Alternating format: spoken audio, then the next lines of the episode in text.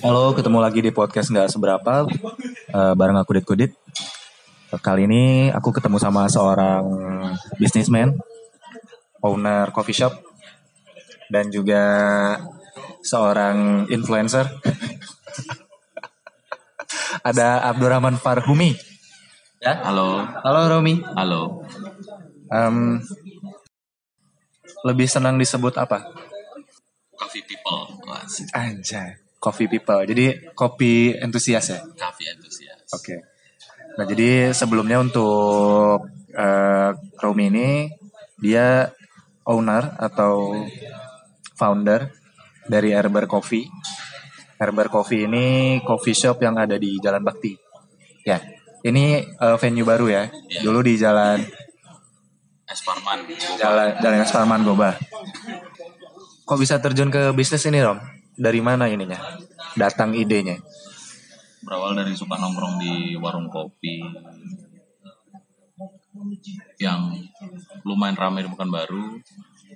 Pindah-pindah dari Rekafe, habis itu nongkrong lagi di Krema, habis itu bosan, pengen bikin tempat tongkrongan sendiri, akhirnya nekat coba bikin tongkrongan sendiri. Terus tadinya pengennya eh, dengan budget nggak yang kecil-kecilan lah, nggak yang besar-besar. Em, tapi ternyata setelah dijalani akhirnya nggak sengaja jadi budgetnya jadi besar. Tanggung nyemplung ya? Iya, jadi Jadi memang dari awalnya dari minat kopi itu sendiri ya. iya. Tahun berapa tuh? Rom? 2014, 2014 aku Dua- suka ngopi 2012. Oh berarti memang dari dari culture kopi sendiri bisa dibilang awal-awal muncul memang pas rame-ramenya coffee shop ya 2014 ya. Oh, Termasuk yang paling awal-awal juga ya selain krema. angkatan awal lah. Angkatan awal. Jadi yang pertama itu waktu itu ada rekafe. Waktu itu aku udah pandai ngopi di kafe Hmm. karena udah mulai ada duit. Sebelumnya ngopinya tetap Indo Cafe Coffee Mix. Terus eh ngeliat ada krema, kayaknya lebih artisan kopinya, terus pindah ke krema. Terus kita buka sendiri, angkatan-angkatan awal tuh rekafe, krema, di situ ada tiga kopi, habis itu ada rebels, habis itu muncul kita. Kan dari dari awal memang coffee antusias. Sebenarnya dari dari awal tuh memang diseriusin atau memang batu loncatan aja sih. Kan banyak kebanyakan kayak orang bikin coffee shop tuh memang pelarian atau memang gaya-gayaan dong. Ngerti kan? Kayak lagi lagi rame coffee shop. eh, kebetulan mungkin ada ada modal. Jadi dia Aji coba mumpung aji mumpung lagi rame buka gitu kan. Akhirnya bertumbangan juga satu persatu. Dulu kebayang gak sih waktu bikin Herber tuh bakal bertahan selama ini atau memang nggak kebayang gitu? eh kebayang sih Herber bakal jadi seperti ini. Memang emang punya eh, plan akan seperti ini dibikinnya Herber yang sekarang. Cuman saat itu kita memang nggak tahu ya masih waktu itu masih kuliah, masih kuliah belum tahu ngelola bisnis kayak gimana. Yang penting jualan aja dulu. Dan waktu itu ya masih coffee snob coffee snob gitu jadi memang fasenya baru tahu terus sotoy gitu tapi semakin dijalani kita semakin tahu tahapnya ke mana sih ini eh, coffee shopnya mau diarahkan ini usaha mau jadi bakalan jadi usaha yang seperti apa seperti apa supaya long lasting kita harus ngapain akhirnya ya jadi herber yang kayak gini Dulu memang berdua aja sama istri sekarang ya. Dulu enggak berempat. Awalnya. Berempat. Awalnya berempat. Aku, istri, terus sama Rona, terus sama Dede. Eh, sisa sekarang Derber aku sendiri. Sama ini ya, adik beradik. Adek beradik. Itulah yang bikin low lasting. Karena gajinya bisa dipending. Bisnis keluarga ya. Iya. Karena emang Herber ini emang modalnya itu dari orang tuaku karena ya memang ada kawan-kawan yang ngaji mumpung cuman ya ini namanya uang orang tua nyarinya juga susah payah akhirnya aku ya mutar harus mutar-mutar ya gimana caranya bisnis ini bisa sustain balik sebelum ke Herber jadi dulu nih Rom. Sebenarnya kalau dulu kan eh apa ya? Karena memang basicnya suka nongkrong ya. Kafe ke kafe.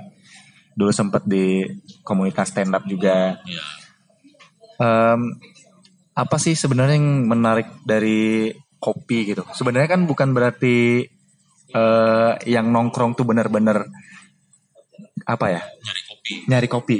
Itu maksud aku loh. Sampai sekarang kan Romi juga belajar ya belajar. Apa istilahnya kalau belajar kayak gitu?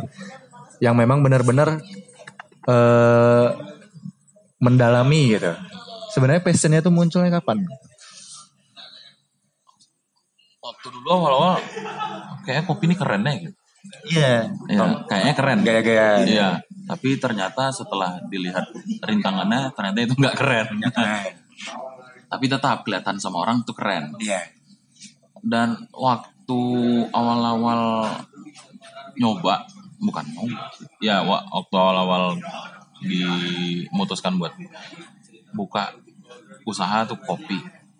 Aku nggak nggak nggak nggak ada kebayang kalau wah kopi ternyata sekompleks ini. Gitu. Nah baru nyadar itu setelah jalan setahun kita baru tahu ternyata nih kopi ini ternyata suatu komoditi yang ada hulu hilirnya bukan sekadar eh, dagang tongkrongan akhirnya kita coba seriusin kita berusaha gimana caranya supaya bisa naik sampai ke hulu nah itu sih yang kita lakukan sekarang hulu itu berarti sampai ke bahan bakunya ya iya kita roasting ya Iya, kita eh kita sekarang sudah udah bisa udah jual udah supply kopi buat beberapa kafe yang ada di Pekanbaru ada di luar juga. Target kita sih pengennya ya kalau pengennya main di komoditi kayak ya, kayak punya kebun atau Hmm. Atau bisa ikut trading kopi yang kayak gitulah semakin ke hulu lah pokoknya. Tapi menarik sih.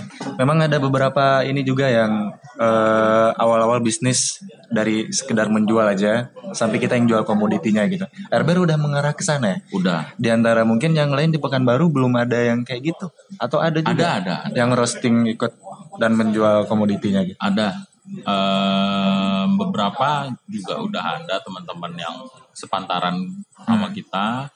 Mereka juga udah supply.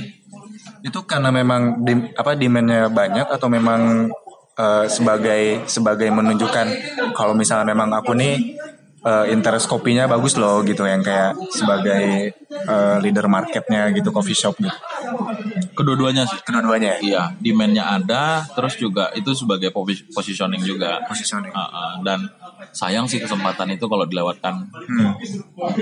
selagi ya kau mampu untuk bisa supply ya kenapa enggak Jadi sebenarnya yang paling banyak penyebabnya coffee shop bertumbangan tuh kenapa?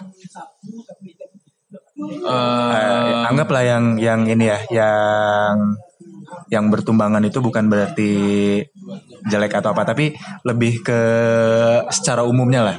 Iya, eh, ngedrive si toko. Kebanyakan sih teman-teman yang tumbang eh, sulit untuk ngedrive tokonya supaya bisa survive. Karena beberapa teman-teman juga ada yang buka kayak kalau kayak aku kan modal sendiri, modal ya orang tua.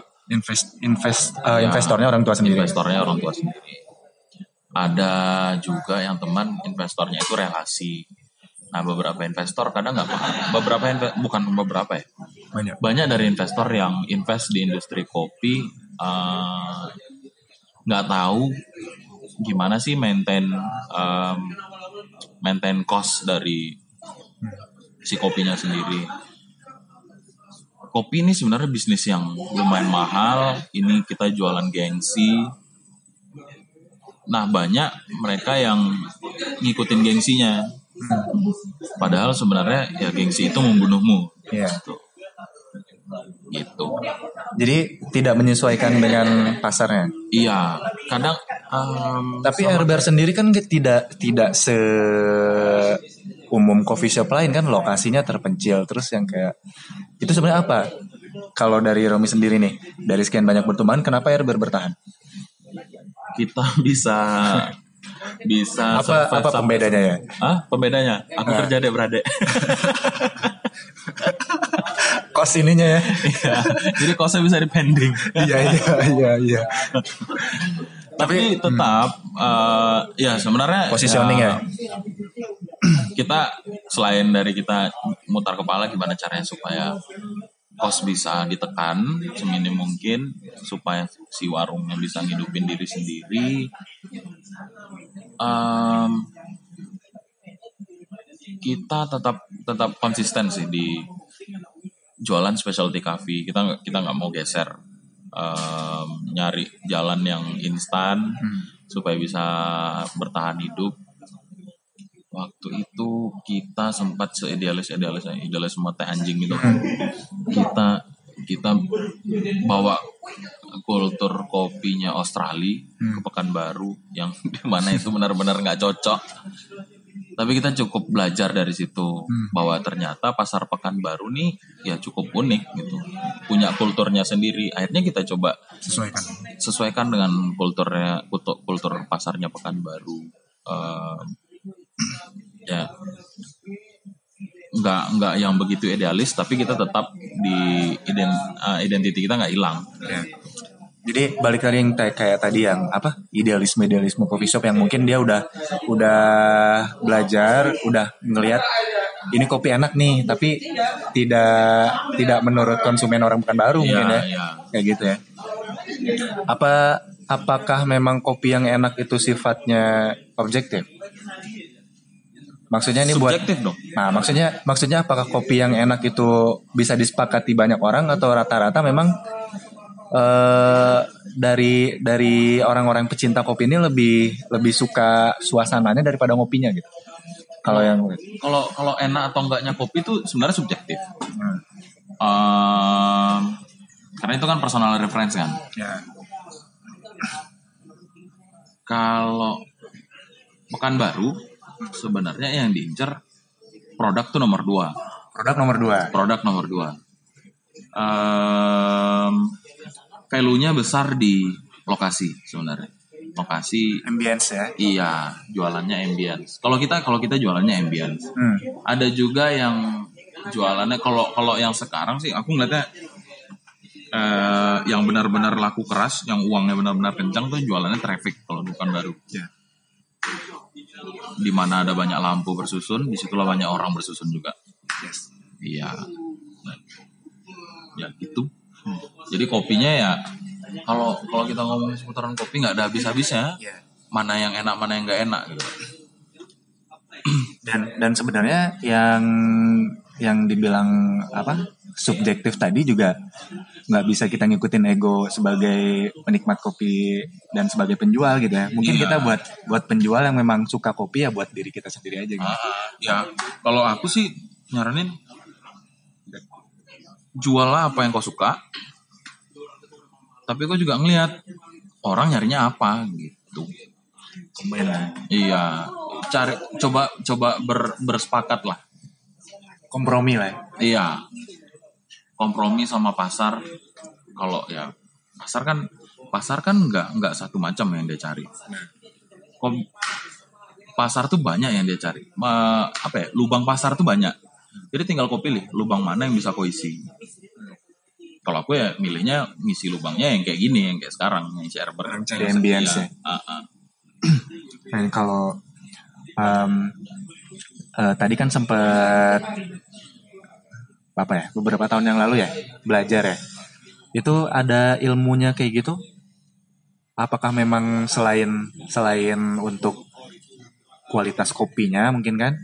Apakah itu bermanfaat ilmu kayak gitu untuk memang di produk dan kesukaan masyarakat Pekanbaru? Ada lisensi gitu ya? Itu sejauh sejauh yang memang udah berjalan sekarang? Misalnya nih ada yang dengar pemilik coffee shop juga seberapa penting kita ngerti tentang kopi untuk jualan kopi yang laku lah atau misalnya kopi yang enak secara umum gitu Kalau ya sebenarnya itu jualan titel sih, sama kayak jualan titel, kayak ya sama kayak kau jual beli belanja Starbucks apa sih yang sebenarnya kau beli gitu. Merek ya. Iya, nggak usah dipungkiri kalau Starbucks tuh yang dibeli memang brandnya, prestisnya. Ketika kau genggam si cupnya Starbucks, ya ada pride sendiri gitu. Nah, yang kalau aku coba bikin yang di sini, yang orang beli, em, apanya ya? Orang ketika ngopi di Erber, em, mereka percaya, oh, oh ini kopinya serius. Sampai aku aku udah beberapa kali dengar, wah kalau ngopi di Erber tuh kopinya terlalu serius. Aku nggak mau lah ngopi di sana, nggak ada kopi yang manis-manis. Yang kayak kayak gitu. Berarti bukan pangsa pasar Erber ya? Iya, ya. Sesederhana ya itu ya? udah, relain aja. Nggak usah dipaksakan lah. Berarti berarti memang itu lebih ke pribadi ya ya? Iya, iya. Itu lebih ke personalnya. License kita buat belajar mendalami kopi lebih dalam ya. Tapi tetap ada kan mungkin yang penikmat kopi sejati datang ke sini dan mungkin tidak menemukan kopi dengan rasa sejenis di tempat lain gitu. Karena efek license itu. Ada, ada, ada. Itu sugesti. Sugesti, sugesti itu sangat berlaku di di di bisnis. Em, dan aku juga ngambil license. eh, Itu eh, kalau misalnya memang ini license-nya tuh ngurus di mana, terus memang kayak gimana metode belajarnya? kalau license em, itu yang ngeluarin namanya CQI Coffee Quality Institute. Eh, beberapa cabangnya udah ada di Indonesia ada tiga satu di Majumapan Bandung Jakarta ada di Caswell sama di ABCD namanya SCA Campus Specialty Coffee Association. Nah license itu aku ambil ya buat mendukung si produknya Erber. Em, quality assurance-nya Erber lah. Nah, Erber nih punya set company-nya. Set company-nya namanya Umar.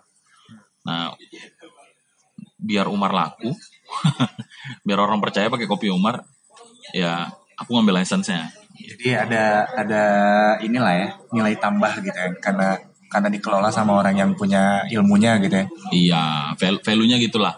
Jadi orang ketika belanja kopinya Umar, oh udah mereka percaya kalau kopinya ya ya, ya emang ya emang worth to buy. Gitu. Itu mahal nggak Rom? Apanya? Eh, bikin license gitu. Lumayan. Lumayan ya. lumayan. kalau untuk aku tuh lumayan. Tapi nggak tahu kalau buat koko-koko di luar sana. Belajarnya susah nggak? lumayan. Modalnya lumayan besar buat belajar. Ya belajarnya ya sepanjang aku ngerintis. Tapi bayar segitu worth it juga kan? Worth lah. Untuk seorang yang memang berbisnis di bidang itu ya. Pasti. Pasti. Nah kalau apa namanya untuk license itu kan beberapa kali event juga mulai dipercaya jadi juri ya. Ya Nah itu sebagai sebagai juri itu em, memang gimana ya kalau kalau kita lihat di kompetisi apa ya musik kan memang dia jelas gitu suaranya terdengar merdu bagus. Kopi kan kalian nyicip kayak gitu, apakah lidah jurinya bukan subjektif juga? Gitu? Tapi kalian bisa dapat kepercayaan jadi juri itu karena memang lisensi itu atau memang karena ada reputasi lain yang dibangun? karena ada lisensi. Bisa dapat lisensi karena ada reputasi. Jadi kalau misalnya dia punya lisensi tapi tidak punya coffee shop, ada. Ada. Lumayan banyak. Dia punya coffee shop gede tapi nggak punya lisensi, banyak juga. Banyak juga. Nah sebenarnya eh, ya ujung-ujungnya tetap dia tetap orang-orang yang nggak jauh dari bidang kopi bukan nggak jauh dia pasti orang yang udah berkecimpung di bidang kopi mau dia punya coffee shop kah mau dia nggak punya mau dia biasanya kalau dia nggak punya coffee shop atau dia kerja di kopi kebanyakan yang lisensi nah eh, tadi yang ditanya kan lidah kalau musik suaranya kedengeran Bisa ada proofnya lah Ada proofnya. iya proofnya ada gimana yang bisa kalian menentukan nilai-nilai? Nah, itulah gunanya lisensi tadi tuh. Oh, Dia iya. ada standarisasinya. Oh, ada standarisasi. Iya. Nah, license itu ada dua yang untuk ngejuri yang yang diakui. Eh, yang satu Q grader, yang satu lagi eh, certified judge. Certificate judge biasanya diambil di setiap event tahunan nasional. Nah, lis- license-nya itu berlaku 2 tahun. Per dua tahun sekali. Iya, kalau yang Q berlaku 3 tahun. Pekanbaru udah sering tuh event kayak gitu. Lumayan sering, lumayan sering kok di Pekanbaru. Minatnya lumayan juga ya. Peminat eventnya, Ya. yang buat ngikutin ya, lumayan, lumayan. Kalau nasional pernah ikut? Event nasional belum akan duitnya habis banyak kalau mau ikut Berarti yang sejauh ini masih regional. masih regional masih Riau Sumbar mungkin ya. Rio Sumbar lah Tapi memang dari dari situ juga apa reputasi terbangun ya. Romi jadi apa juri kompetisi kopi itu bukan kayak latte art gitu ya, tapi memang dirasa ya. oh ya kalau aku memang concernnya yang di sensori ada yang di latte art kalau yang latte art ada lagi beda lagi uh, license-nya beda lagi Sensor ini memang dari cara dia ngelola kopinya itu ya. sensori ke lidah Ya, jadi si si baristanya tuh dari Ah, ah. prosesnya itu ya. Iya, iya. Jadi ya menilai hasil akhirnya. Ya sama sih, semua juri yang menilai hasil akhir. Berarti memang bisa dibilang dari tahun 2014 eh coffee shop bertumbangan, banyak juga yang muncul. Ya, Jadi kalau misalnya di garis apa di disimpulkan, disimpulkan yang bertahan di Arbar ini apakah bisa dikatakan yang memang modalnya besar? Eh bisa, sorry. Yang bertahan di Pekanbaru ini coffee shop yang memang punya modal gitu. Mbak juga. Kita modal pas-pasan juga kok, masih bisa bertahan. Ya gimana cara maintainnya aja. Tapi memang dari Pokoknya memang iya. selain itu, ya iya, kan? iya, iya. yang memang dari dari tadi Romi bilang kan ada ada manajemennya ya yang memang nggak nggak semudah usaha kuliner lain lah ya Nggak, aku nggak menggampangkan usaha kuliner yang lain juga. Karena kuliner lain juga punya tantangannya sendiri.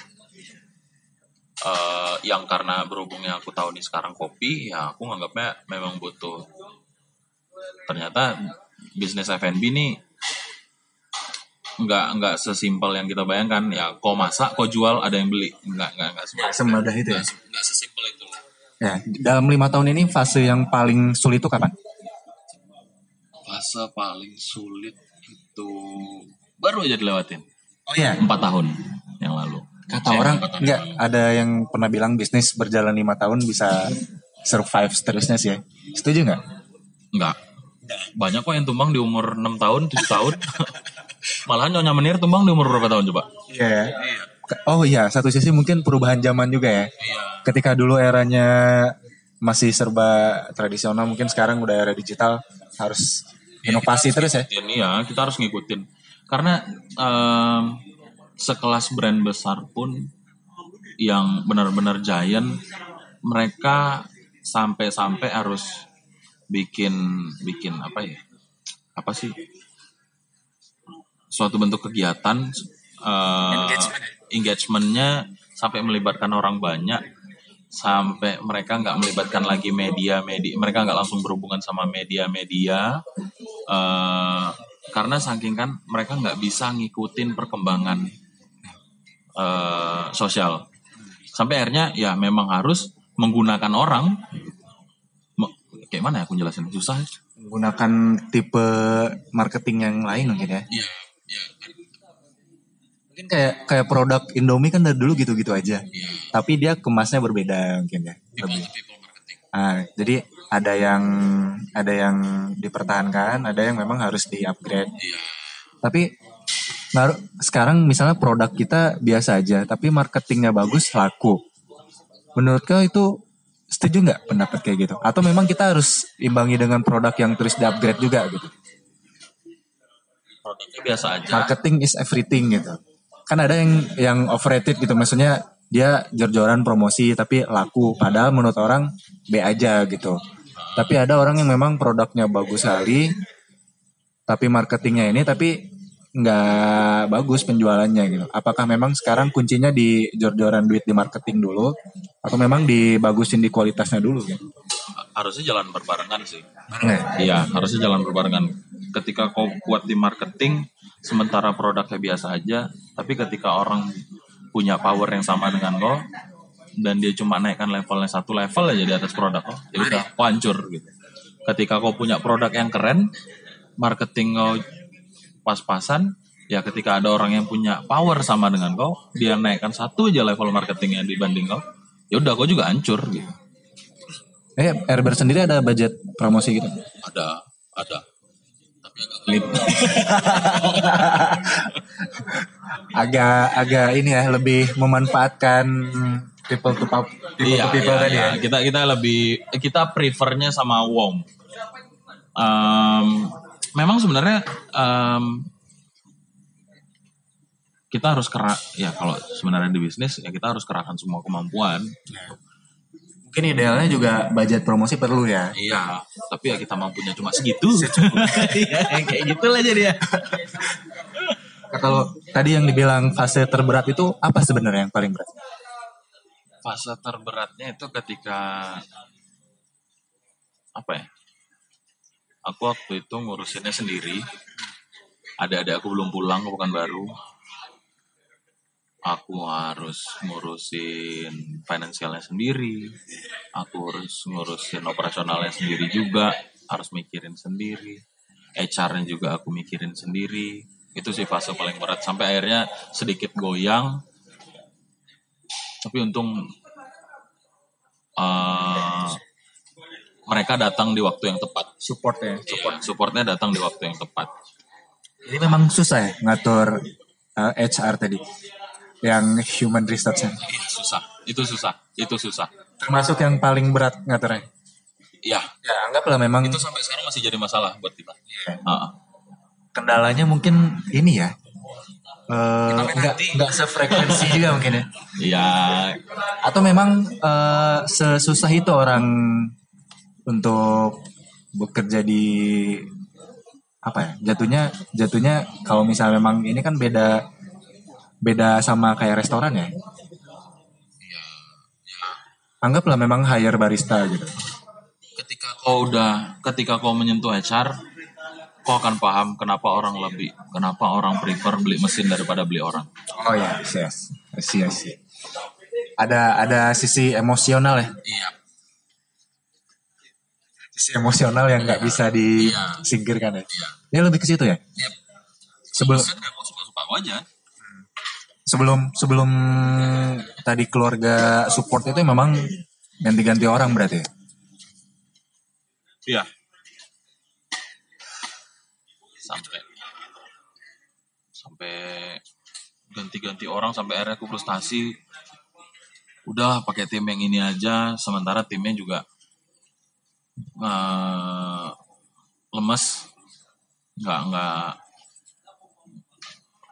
performanya ya ya sampai performanya dari dari performanya itu untuk 2014 sementara kok harus survive di tahun 2017 2018 ya nggak sama gitu ketika HP kau iPhone 4S Hmm. tapi iOS-nya udah iOS yang untuk iPhone Berat ya? 10 iya berat tuh Nah, itu gimana? Selain memang ada keluarga yang support, tentu ada ada ada inilah mungkin dari Romi cara menanggulangi eh apa ya karyawan-karyawan atau mungkin tim yang mungkin tidak sejalan gitu. Dari 2012 itu memang kalau dari segi income, eh sorry, dari 2014 sampai 2018 tadi, apakah stagnan secara income atau memang pelan-pelan naik atau pas drop? drop drop Ehm, Pas pas ngerjain semua sendiri itu. ya? Iya, itu drop. Itu kita drop. Em, caranya waktu itu ya gimana caranya supaya efisien? Akhirnya aku tarik semua adik aku nggak usah karena adik aku juga ada yang buka coffee shop di luar. Aku lihat coffee shopnya juga nggak gitu-gitu ngembang. Akhirnya aku aku tawarin buat handle Airbar. Jadi aku bisa ngurusin yang lain. Akhirnya semuanya mereka pada di Airbar. Mungkin satu sisi dari dari karena sama-sama keluarga juga lebih ini ya. lebih ngerti satu sama lain Iya, secara kondisi secara emosional juga. ya. dan, dan aku lebih terbuka kalau mau cerita apa pun Karena memang merintis susah sih itu ya susahnya ketika dalam kondisi di bawah gitu kan. Nggak yang semua orang bisa sabar, nggak semua orang yang bisa survive ya. itu godaan buat tutup lah tutup lah ngapain juga nih kanker dipelihara gitu Sempet memang pas tahun itu tutup. Pengen tutup gitu. Nyerah ya. enggak karena karena yang Kayak sayang aja gitu. ya ini terdengar bullshit sih tapi em, ini uang gaya aku Udah investasi ya. mereka udah susah nyari uangnya kayak aku juga nggak yang kaya kaya kali. Ini uangnya susahnya dicari. Aku yang minta bukan mereka yang minta ya harus aku pertahankan. Tapi di 2018 itu setelah join eh, adik-adiknya mulai kelihatan. oh kontras. Kontras ya. kontras kontras ketika muncul Itulah ininya ya titik baliknya. Iya, iya itu itu jadi titik baliknya. Ketika masuk kepala baru, mereka masih fresh, punya perspektif yang baru dengan Herber, itu sih jadi titik baliknya. Jadi sebenarnya salah waktu dulu one man show gitu ya. Kenapa nggak terpikir dari dulu ajak saudara atau apa? Oh enggak, bukan aku pengen one man show, tapi you have to show. Karena yang lain enggak di Pekanbaru, itu masalahnya. Nggak, sebelumnya kan ada tim. Maksudnya berarti sama tim sebelumnya kurang kurang klop aja gitu ya. Bukan kurang klop, karena interest kita beda-beda waktu itu. Istri aku interestnya dia lebih ke education, terus yang Rona dia lebih ke desain. Yang Dede dia lebih ke disepir. Makanya akhirnya Sendirian. akhirnya sendiri jadinya mikirnya gitu. Dan aku memang udah lama pengen eh, ini ada tim baru yang lebih fresh, yang punya pemikiran-pemikiran baru, yang bisa bisa menerjemahkan yang aku pengen gitu. Maksudnya ya memang bukan bukan maksudnya aku egois ya pengen ya mereka menjalankan apa yang aku pengen. Cuman aku menjelaskan goal aku seperti ini, mereka bisa bisa nyusun eh, road to journey itu seperti apa gitu. Oh, seandainya nih, seandainya Romi nggak nggak apa ya, nggak nggak lanjut atau misalnya sempat nyerah gitu, eh apakah komprominya itu berupa eh by the way sekarang sambil kerja ya, Hmm. Kerja di sebuah coffee shop juga Hmm. yang sudah eh settle ya. Itu eh, salah satu trigger buat belajar lagi atau memang dari segi dari segi Herber sekarang udah ada yang kelola gitu sambil cari income tambahan. Yang pertama itu pasti tuntutan ekonomi. Tapi sebenarnya dari dari Herber udah balik modal belum? Erban harusnya udah. Dalam lima tahun ini udah balik ya? Baru lima tahun ini atau memang dari Lima tahun ini. jadi apa istilahnya ya? Kalau misalnya memang kuliner kata orang agak Break even point. Apanya? eh, return of investment ya? Iya. Lima tahun udah Ya, cuman kita eh, si yang modal itu nggak kita kembalikan, diputar diputar. Modal kita putar untuk besarin Herber. Itu. Jadi yang tadi kerja Ya itu tuntutan ekonomi. Yang kedua, eh, kalau national chain mereka pasti punya masalah yang lebih kompleks, punya sistem yang lebih rapi dan lebih rumit. Eh, aku Belajar- pengen, belajar aku, sistem. aku belajar sistemnya di situ. Jadi aku ngerasa kalau di produknya aku rasa udah udah untuk saat ini udah cukup dulu lah gitu. Walaupun sebenarnya sambil-sambil sih aku nambah-nambah nambah-nambah apa ya? Ya kalau orang bilangnya kursus masih masih nambah license. Um, cuman yang aku rasa perlu didalami sekarang itu sistem karena Herber hmm, perlu ngerapin sistemnya masih perlu dirapikan lagi makanya aku belajarnya di national chain masih sejalan ya. masih masih memang Sejalan. sejalan Maka aku udah kerja di H&M karena enggak sejalan. Nah itu dari dari modal udah balik dalam jangka lima tahun. Ini kan dari era sekarang nih Rom yang namanya mahasiswa kan apa eh, bukan mahasiswa ya millennials ya. Millennials kan banyak yang ngeluh nih susah cari kerja. Ngeluh yang namanya eh, apa-apa susah sekarang dalam dalam era sekarang sebenarnya bikin bisnis itu yang susah apa? Anggaplah memang Romi didukung memang support keluarga dan memang punya passion yang sesuai dengan bisnisnya gitu. Kalau dari kalau dari bayangan kau nih Rom, orang ketika punya bisnis, pengen punya bisnis, yang yang pertama harus disiapin tuh apa dulu gitu? Apakah memang harus sesuai passion dia? Atau memang Dino tuh mental yang perlu gue siapkan. Mental. Iya. apa tuh mental eh, eh, entrepreneur atau usaha tuh yang perlu dimiliki? Ya kau memang kau memang harus siap untuk worst case-nya. Kau harus punya eh, plan A, plan B. Dan kok ketika kau tahu worst case-nya seperti apa, kau harus selalu worry dengan itu. Itu yang bikin kau akan bertahan terus. Jadi kalau dibilang orang punya bisnis tuh lebih nyantai dari karyawan, salah besar ya? nggak salah-salah kali juga. Iya, ya setelah aku jalanin bisnis, aku jalanin juga jadi karyawan. Sebenarnya ada plus minus. Kalau kau di bisnis, kau memang ya kalau kau mau duit ya kau kerja. Kalau jadi karyawan, eh kau kalau kalau di bisnis, kau mau duit? Ya kau kerja. Kau yang nentuin. Income kau akan berapa, target kau apa? Ya kalau kau nggak kerja ya kau nggak akan capai target kau. Ketika Kalau kau target duit aja nggak dapet. iya. Kalau kau jadi karyawan ya kau nggak perlu mikirin ini usaha bakalan tumbang atau enggak karena ada yang cover kau di belakang gitu. cuman konsekuensinya ya kok nggak bisa nggak bisa em, Explore.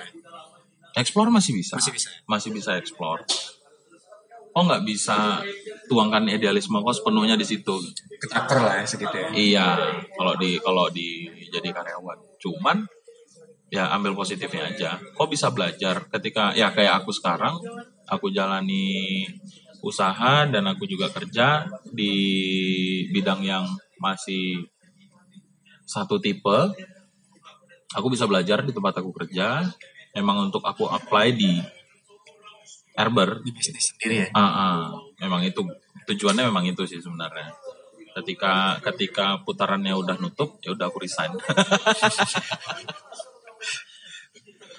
Tapi itu itu dia mungkin titik baliknya pas ada keluarga backup ya. Iya. Mulai kelihatan. Nah, ya Reber sendiri kan tentu eh selama lima tahun ini banyak inovasi nih. Inovasi dari segi tempat, dari segi menu, mungkin dari segi ambience. Itu sebenarnya kalau dari eh tim ada nggak sih yang di luar kau yang memikirkan tentang Instagramnya lah, sosial media atau memang kau semua yang gini, yang tuangkan semua gitu. Eh, enggak sih. Eh, aku bareng sama Nabil, Imam, Raya, Ade. Sebenarnya itu yang jadi tim intinya. Ketika kita punya apa ya ide atau apa pun lah yang ini bakal asik nih kalau ditaruh di Airbar ini bakal asik nih kalau diaplikasikan di Airbar ya pasti kita obrolin gimana cara buat adopnya?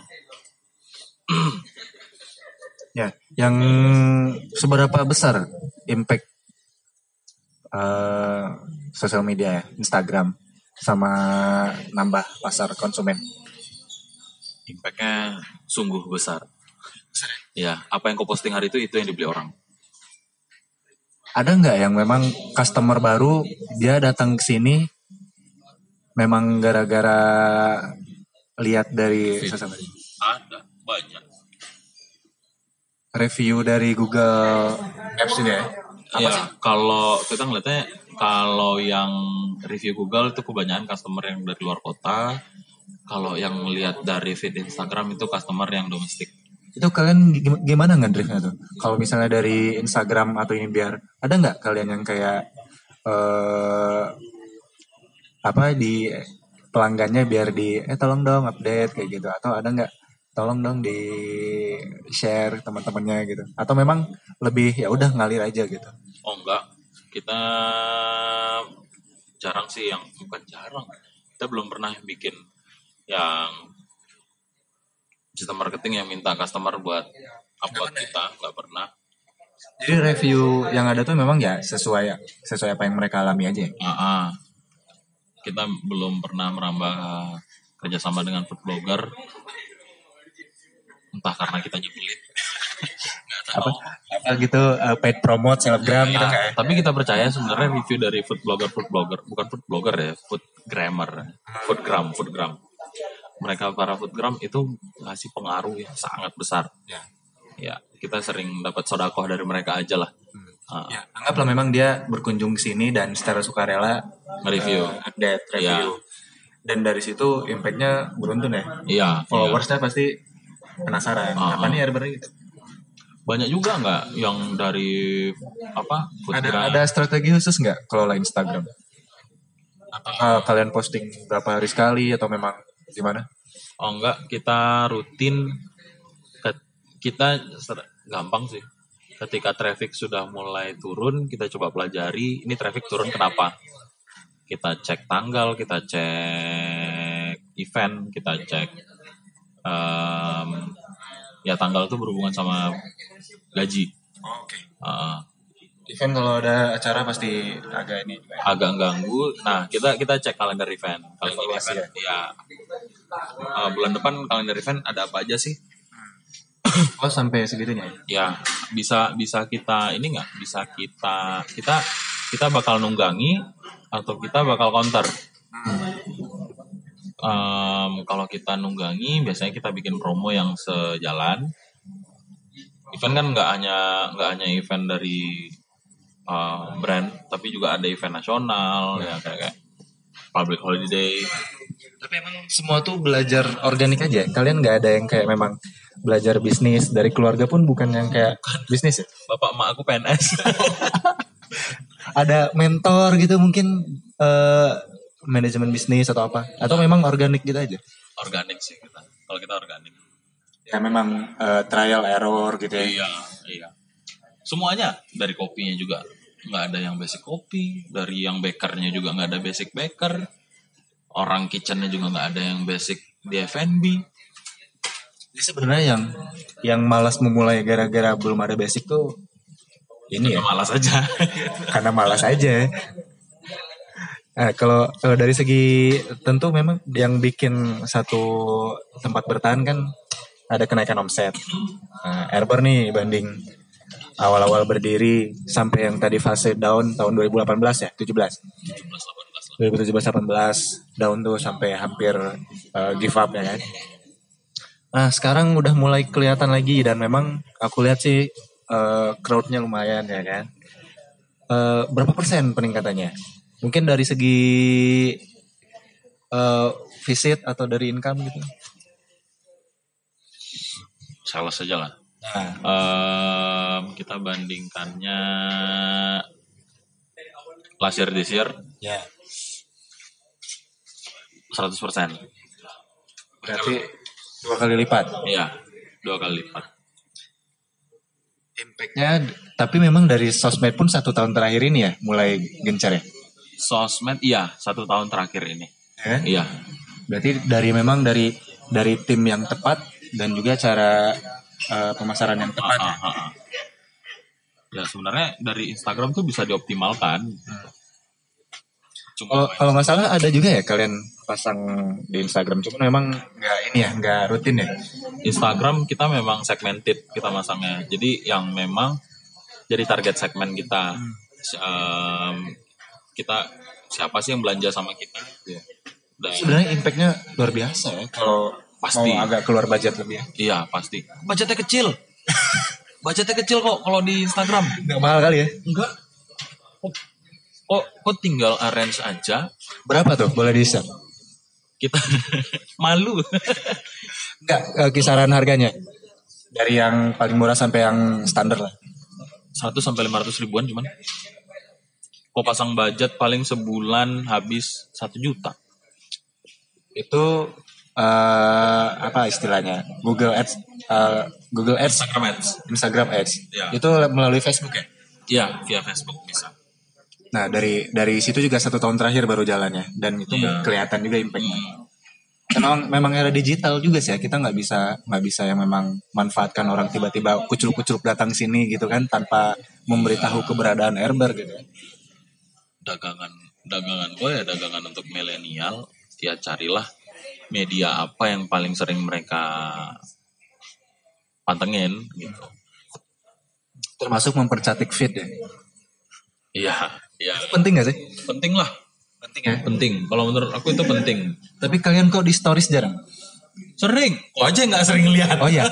Nggak maksudnya tiap maksudnya, hari Maksudnya stories storiesnya itu lebih ke repost orang yang update di Erber gitu.